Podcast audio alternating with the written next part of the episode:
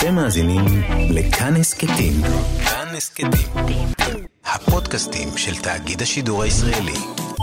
אחת הפרסומות המוצלחות, הידועות והאהובות ביותר בטלוויזיה הבריטית שודרה בשנת 1973. זו הייתה פרסומת למשקה מוגז בטעם לימונדה, בה נראה בחור צעיר, כבן 30 וקצת, מתעורר באמצע הלילה ויש לו חשק לשתות משהו. הוא מזמזם לעצמו שיר קטן, בעוד הוא עושה את דרכו אל המקרר במטבח. אני הוא השוטה הסודי של R. White's Lemonade. R. White's Lemonade. אחרי שהוא מוצא את הבקבוק המיוחל, הוא מוזג בהנאה, שותה ומתחיל לרקוד, רק כדי להיתקל באשתו, שצצה משום מקום, וזוכה גם היא לאחוס מוגזת. לאחר הצילומים פנה כל אחד מהשחקנים לדרכו, והם לא נפגשו עוד מעולם. חוץ מפעם אחת אגב, 40 שנה לאחר מכן, אז הופגשו שוב השניים לטובת צילום פרסומת נוספת. הפרסומת המקורית הייתה כל כך מוצלחת ואהובה, בכל זאת זה ה-70's, ושני השחקנים האלמוניים הפכו לכוכבים. כל מי שפגשו ברחוב היה מיד שר להם את הג'ינגל הקליט. Oh,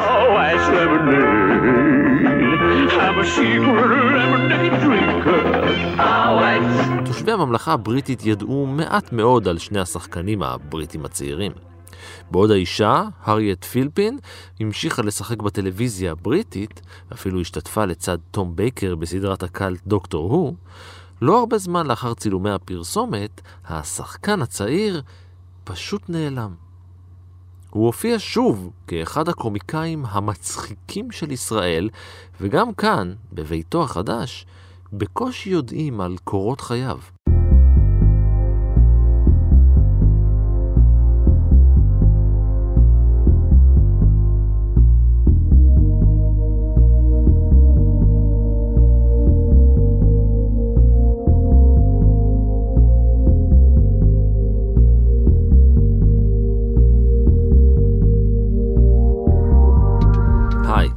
אני רן מנהר ואתם על מנהר הזמן. מדי פרק אנחנו מספרים לכם על מקרה שקרה בעבר מזווית שכנראה עוד לא הכרתם. העונה הזאת של מנהר הזמן מורכבת כולה מסיפורים שאתם, המאזינים, שלחתם. את הרעיון לפרק הזה שלח לנו יותם שבח.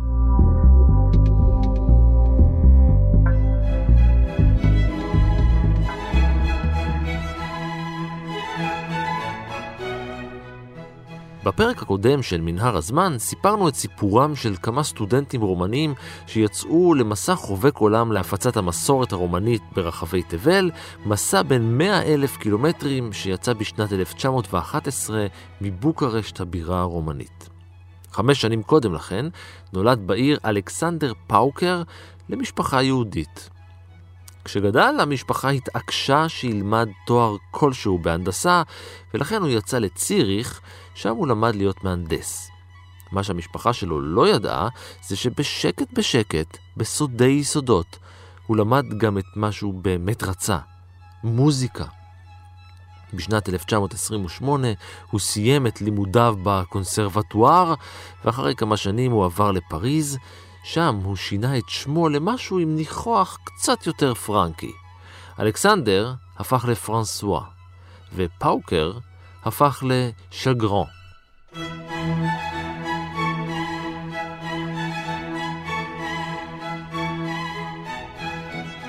הדחף המוזיקלי שלו היה חזק.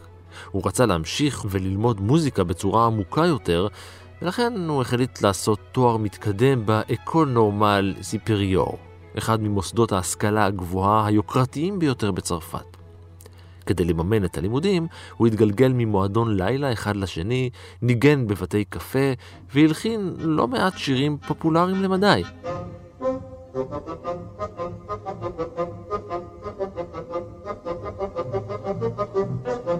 הוא למד אצל המלחינים נדיה בולנג'ה ופול דיקס, שהלחין גם את היצירה הנודעת שוליית הקוסם.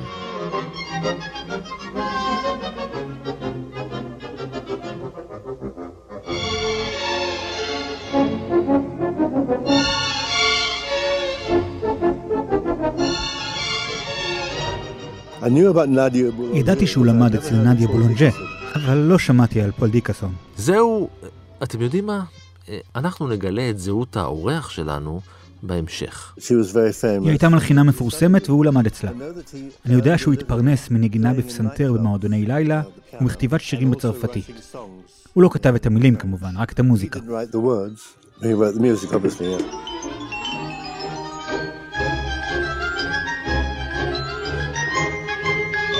בשנת 1936 עבר שגרן לאנגליה.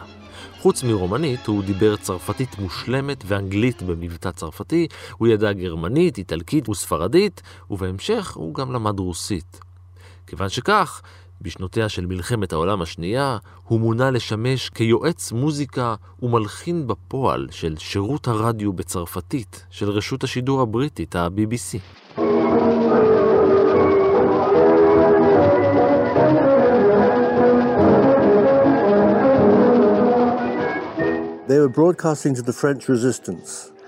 הם שידרו למחתרת הצרפתית בקוד סודי במהלך המלחמה.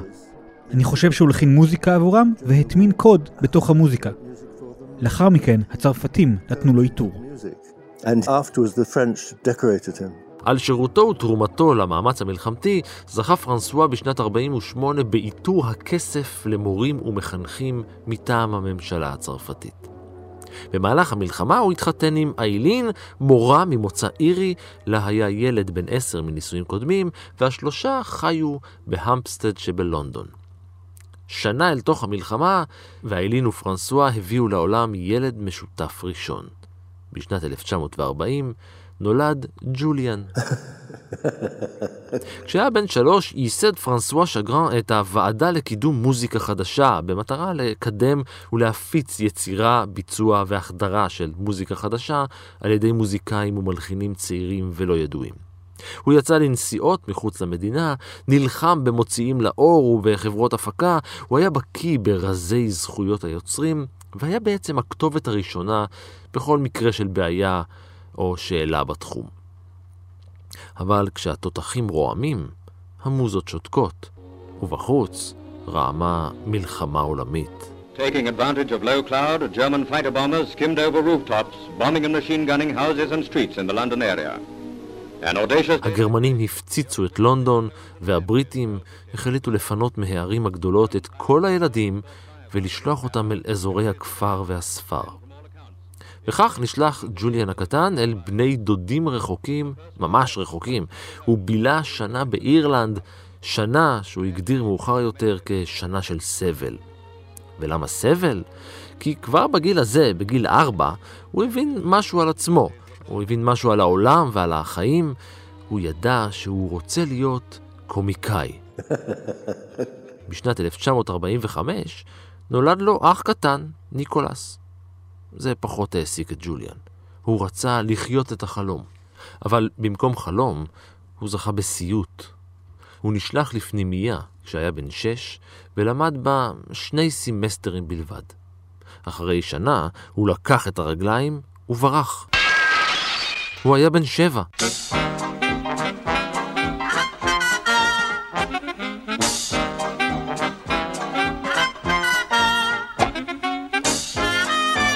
ההורים שלו רשמו אותו לבית הספר לדקדוק סנט מרילבון, שם, למרות שהיה נוכח מדי פעם, הוא לא ממש למד.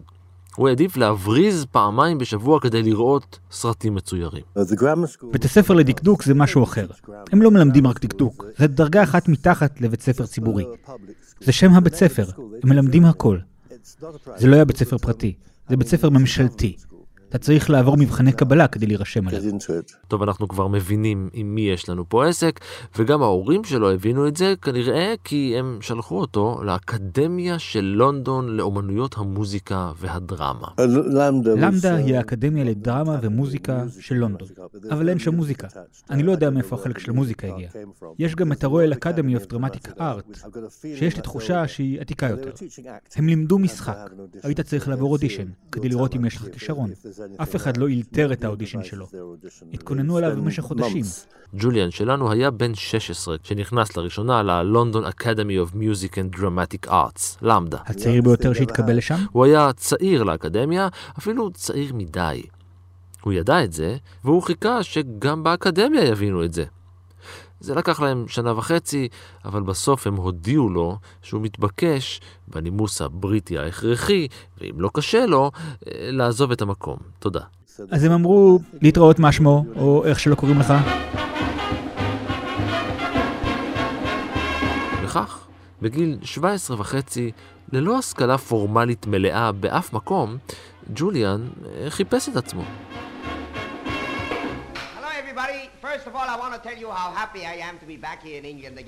הוא חבר לקומיקאי ויק אוליבר ושימש כ straight man שלו, הדמות הרצינית בהופעה. הוא היה קומיקאי מאוד מפורסם בזמנו ברדיו, וגם היה לו מופע בימתי. הוא היה מאוד מצחיק. היה לו גם קטע עם פסנתר, כמו ויקטור בורגה. במסגרת תפקידו כהרגל השנייה של הצמד, כ straight man, ג'וליאן שמר על רצינות ועל קו העלילה של המופע, בעוד ויק אוליבר היה הפארסה הקומית. כן, אבל לא בהכרח. היו הרבה מאוד אנשים מצחיקים שלא היו צריכים straight man. הוא אהב שהיה לו straight man, כדי להנחית את דרכו את הבדיחות. הייתה גם אישה בצוות, straight woman. וכיוון שהיה במופע קטע מחול, ריקוד אחד היה מקבל ריקושט עם פירואט, ומוביל לקטע הבא. בשנה הבאה הופיעו השניים יחד, הם יצאו לכל רחבי אנגליה. הם הופיעו באפריקה הדרומית ובאירלנד. בחודשי הקיץ היית הולך לתיאטראות בדרום. מופיע שבוע פה, שבוע שם. שבוע בברייטון, שבוע בבורנמוט. אז באמת התחלתי ללמוד, אמר ג'וליאן אחרי שנים, והדבר החשוב ביותר שלמדתי היה שהרבה יותר טוב להיות קומיקאי מאשר straight man. אז, אז הוא ניסה לבד.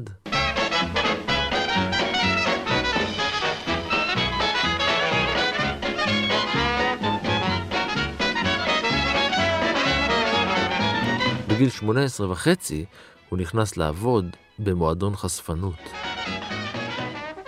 לא, הוא לא היה חשפן, הוא היה זה שמרים את הווילון כשמתחיל המופע, והיו חמישה כאלה בכל יום.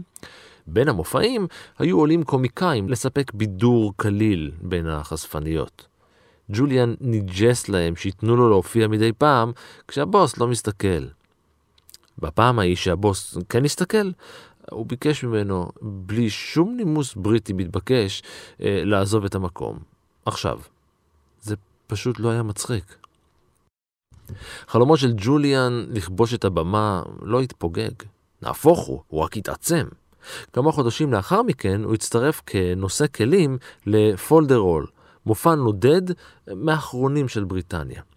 הוא גם השתתף בכמה מערכונים קטנים, אבל ג'וליאן לא הסתפק בזה. בשנת 59 הוא יצא לצרפת כדי ללמוד בצורה רצינית איך להיות ליצן.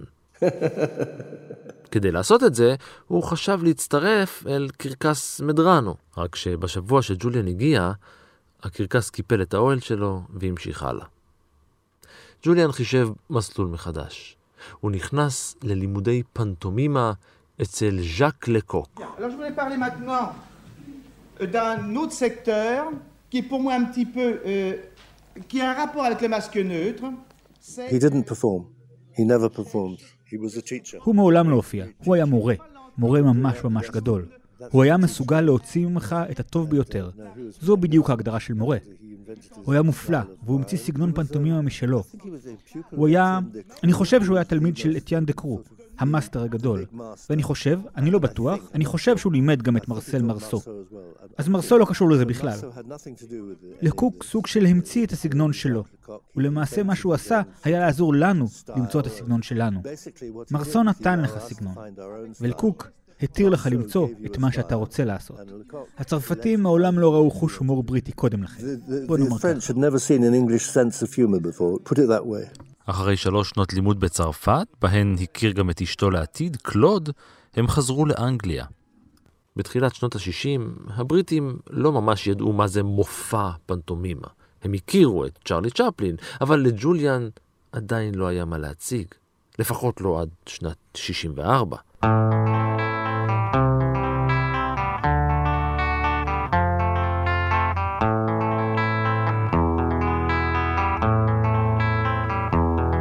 הוא הצטרף וחיכב במופע הפנטומימה הסאטירי צ'אגנוג, מופע הפנטומימה הראשון של אנגליה, שהפך ללהיט של ממש בפסטיבל אדינבורו באותה השנה.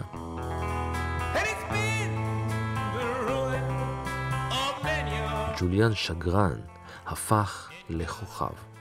הוא הופיע ברחבי אנגליה כולה, והמופע הועלה פעמיים בווסט אנד לפני שרץ שם במשך שישה חודשים. Yeah, the West End, it's, uh, כן, הווסט אנד. מה אני יכול להגיד?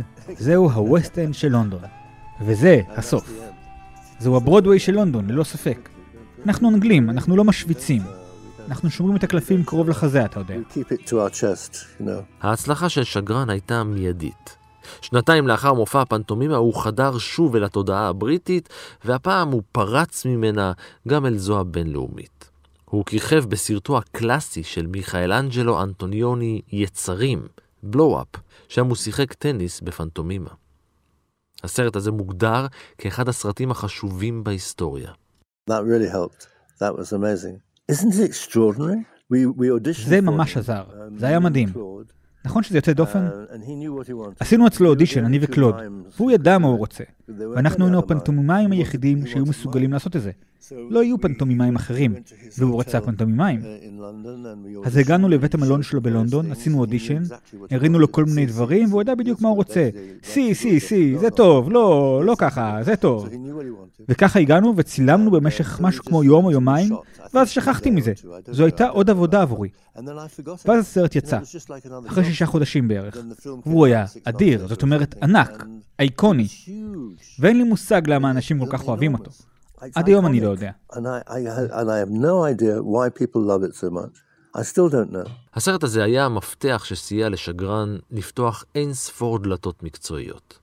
אחרי שנה הוא שיחק בסרט הריגול Danger Route, נתיב הסכנה. Jonas Wild. He doesn't carry a weapon. He is one. He works with his hands, and his work is assassination. His assignment is the danger route.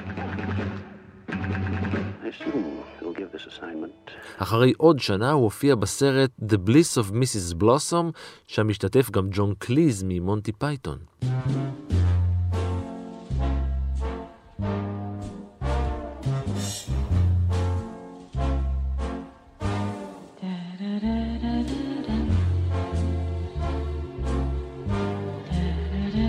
ואחרי עוד שנה הוא שיחק בעוד סרט, אלפרד הגדול, שגולל את קורותיו של אלפרד הגדול, מלך סקסוניה המערבית, במאה התשיעית לספירה. שגרן שיחק את אייבר חסר העצמות, בנו בכורו של רגנר הוויקינג. בשנת 1972 הוא היה הלטאה ביל בסרט הרפתקאות אליס בארץ הפלאות, לצד פיטר סלרס וספייק מיליגן.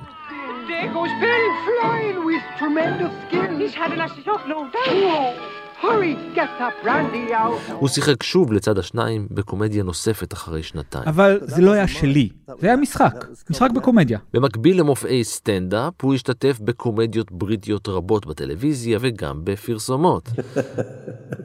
אחת מהן הייתה פרסומת למשקה מוגז בטעם לימונדה, והיא שודרה במשך 17 שנים ברציפות. I'm a secret lemonade drinker. Always, always. I'm trying to give it up, but it's one of those nights. Always, always, always lemonade. I'm a secret lemonade drinker. Always, always, always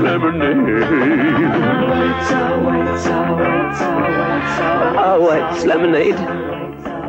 גם אחיו הצעיר ניקולס הפך לשחקן, וההצלחה הייתה פשוט אדירה.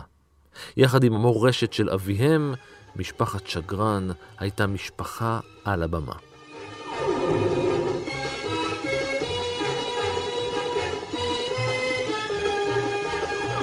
אבל בנובמבר 1972, אחרי סדרה של התקפי לב, הלך לעולמו האבא פרנסואה שגרן בביתו שבהמסטד. הוא הלחין יותר מ-200 יצירות לקולנוע ולטלוויזיה, כולל פרסומות וכולל מוזיקה לאחד הפרקים בדוקטור הו.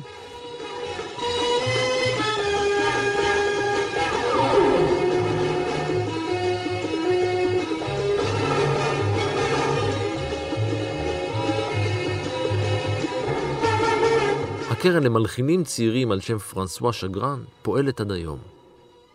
לאחר תום האבל, באמצע שנות ה-70, ג'וליאן שגרן ואשתו, קלוד, הפיקו שלושה סרטים אילמים, עבור שניים מהם היה שגרן מועמד לפרס האוסקר כמפיק. הוא זכה עם אחד מהם בפרס דוב הזהב בפסטיבל ברלין, ועם סרט אחר הוא כתב את הפרס הראשון בפסטיבל קורק הבינלאומי. במקביל, הוא המשיך להופיע עם מופע הפנטומימה שלו בלונדון. במשך שנים הוא יצא לסיבוב הופעות בממלכה המיוחדת כולה, באירופה, בארצות הברית, באוסטרליה ובמזרח הרחוק.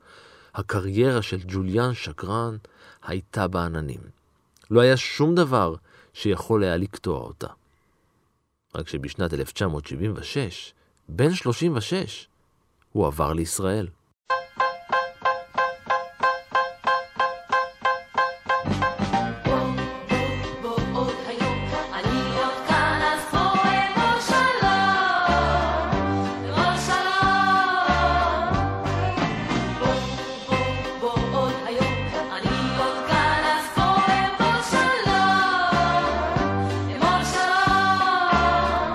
באמצע שנות ה-70, בשיא ההצלחה שלהם, קלוד הייתה משוכנעת שמלחמת עולם שלישית עומדת לפרוץ.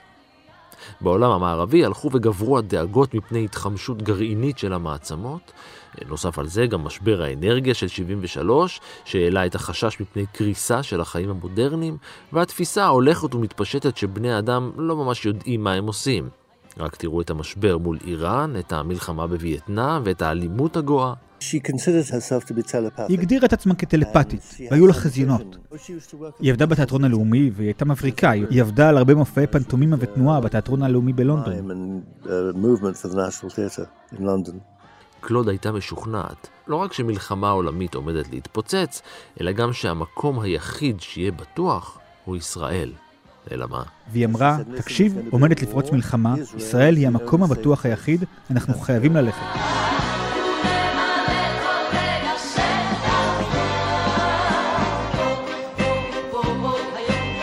וכך, יחד עם אישה ושלושה ילדים, ניסו השגרנים להתחיל את החיים החדשים במזרח התיכון.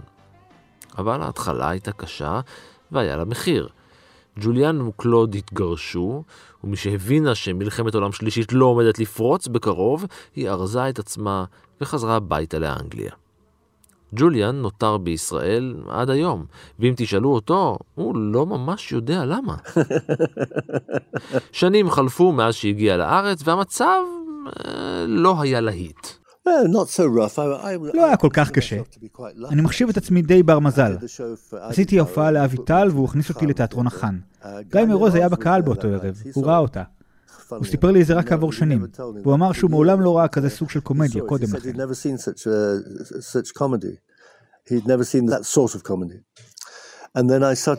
ואז התחלתי בסיבוב הופעות בכל הקיבוצים, זה קרה די מהר. אני חושב שהם אהבו את הרעיון של מישהו מוכשר שמגיע מאנגליה. הם אהבו את זה, ולא הייתי יקר. לא הייתי כוכב גדול. עשיתי עבודה רגילה וקיבלתי שכר רגיל, וזה עבד טוב. כמעט עשור שלם חלף מאז שהגיע לישראל, ובשנת 85 כתב, הפיק וביים סדרה קומית בת עשרה פרקים ששודרה בטלוויזיה הישראלית התזמורת. שם הוא השתתף גם בתור המנצח.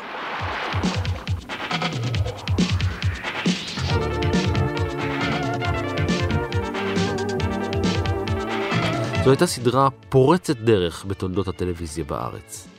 היא הייתה סדרה אילמת, זאת אומרת ללא דיבורים כלל, רק מוזיקה, והיא הייתה אחד הדברים הכי מצחיקים ששודרו באייטיז בארץ.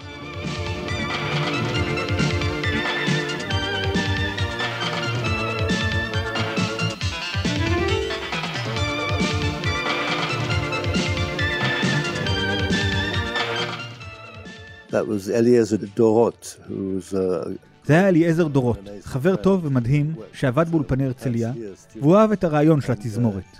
אז הפקנו פרק אחד, אני חושב שהוא היה בן עשר דקות, ועל בסיס זה הוא גייס את הכסף לכל הסדרה.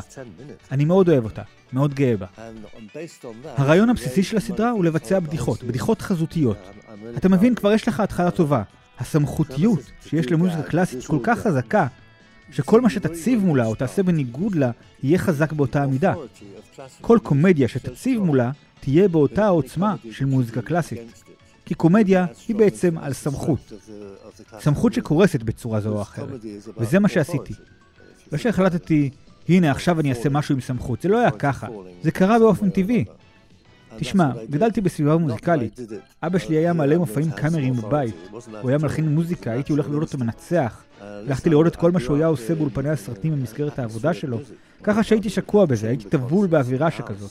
ומבחינתי, זה היה טבעי לחלוטין לעשות מזה צחוק. וברגע שהרעיון נולד אצלי, הכל הגיע כמו שיטפון, זה היה מדהים. זו הייתה תקופה מאוד פורה ויצירתית בחיים שלי.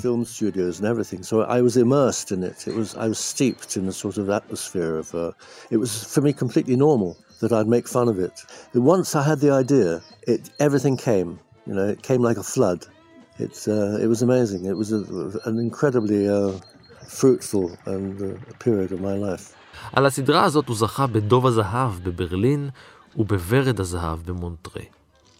אחת השחקניות בסדרה הייתה רולנדה קאן, שפגשה את ג'וליאן בשנת 81 בפסטיבל הפנטומימה בקריית שמונה.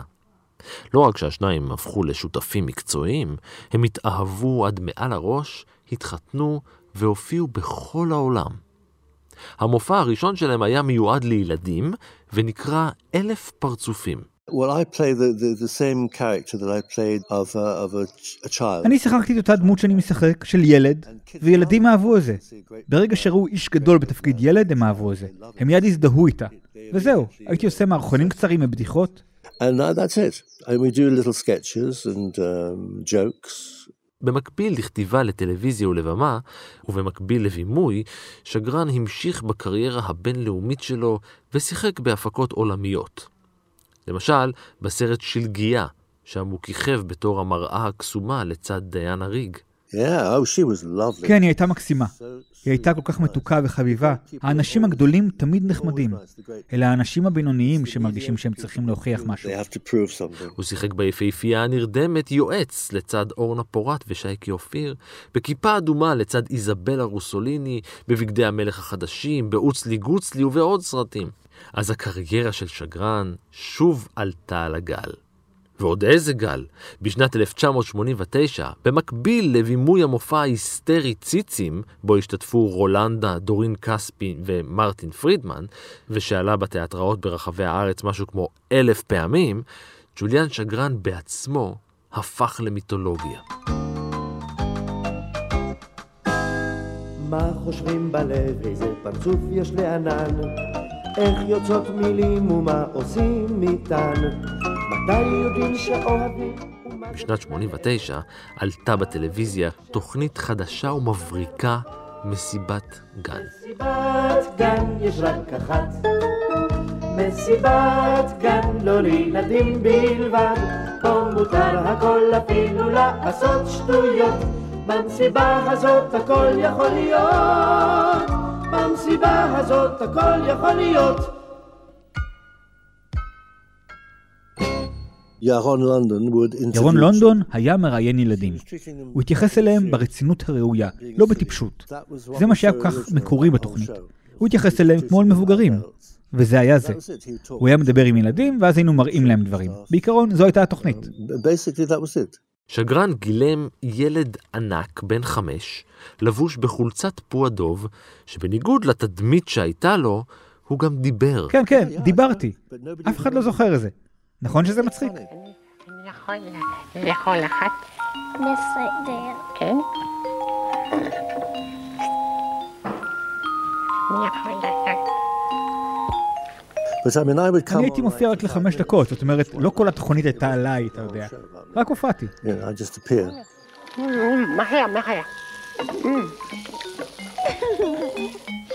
אני מריח שם מהפינה, מפינת הבישול, את הריח הטוב של הפנקייק, אה? מסיבת גן הייתה המסיבה הגדולה של ג'וליאן. לא היה בית אחד בו לא ידעו מי זה ג'וליאן שגרן. הוא הפך לכוכב ילדים. קצת מבוגר בשביל להיות כוכב ילדים. זה מדהים, אחד היום אנשים ניגשים אליי ואומרים, הם אפילו אומרים שזה שינה את חייהם, זה מאוד מרגש.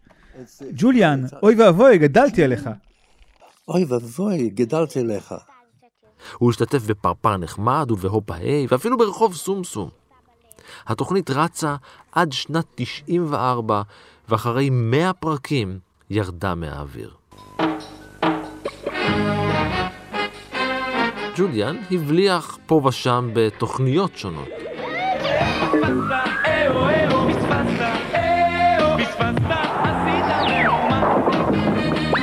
ישר למצלמה חייך מול מהאומה פספסת, פספסת, אני חושב שהשתתפתי בפספוסים פעמיים, וזה לא היה ממש טוב. מה אתה עושה שם בדיוק, ג'וליאן? האחד זה בועות. בועות. שהוא טוב. זה אחד, ושניים שאנחנו נראה זה בוט, שהוא אח שלו, והוא רע. אבל לקראת סוף שנות התשעים התפוגג מהמרקע והתרכז בעיקר בבימות התיאטרון. הוא הופיע ביפן, בסין ובקוריאה, בסינגפור ובבנקוק, הוא העלה את המופע שלו על במות אוף ברודוויי. הוא ידוע במופעים הלא כל כך יקרים שלו, הלא מפוארים, ההופעות הקטנות, מופעי הבידור הקטנים, ההצגות הקטנות. הופעתי שם, עם מופע היחיד שלי. בעשורים האחרונים, לצד כתיבה, בימוי, העברת שיעורי משחק קומי והופעות, חיים בני הזוג שגרן בעין הוד. אחת הבעיות, כשעשיתי פעלולים, תמיד עשיתי אותם בעצמי, ונפצעתי הרבה. וזו הסיבה שנאלצתי לעצור. למעשה, זה עצר אותי. זה פשוט האט אותי. עד שעכשיו אני בקושי יכול ללכת. ג'וליאן השנה בן 80. ולא, כפי שיכולתם לשמוע לאורך כל הפרק הזה, הוא עדיין לא יודע לדבר עברית כמו שצריך. אז מה הוא מתכנן לעתיד? ובכן, אני כותב את האוטוביוגרפיה שלי. תן לי לראות מה עוד אני עושה. אני מצייר הרבה. אני פשוט כותב, וחושב ומצייר. אני גם מפסל פסלים קטנים באבן. I like to move it, move it. I like to move it, move it. You like to move it. ועד כאן מנהר הזמן להפעם. תודה לג'וליאן שגרן. תודה גם לאור מנהר שנשלח לאזורי הכפר והיה להפקה, ולאייל שינדלר שהתחיל מלחמת עולם שלישית והיה על העריכה וקטעי הקריינות. תודה גם ליותם שבח על הרעיון לפרק. גם אתם מוזמנים להמשיך ולשלוח לנו רעיונות לפרקים. אתם מוזמנים להמשיך ולעקוב אחריי ברשתות החברתיות, בפייסבוק ובטוויטר, להגיב, להעיר, ובעיקר להתחבר. עוד סיפורים מההיסטוריה ופרקים אחרים של מנהר הזמן מחכים לכם כל העת, כרגיל, באתר שלנו, באפליקציה כאן, בכל יישומון הסכתים אחר וגם בספוטיפיי. אני רן מנהר, נשוב וניפגש בפרק הבא.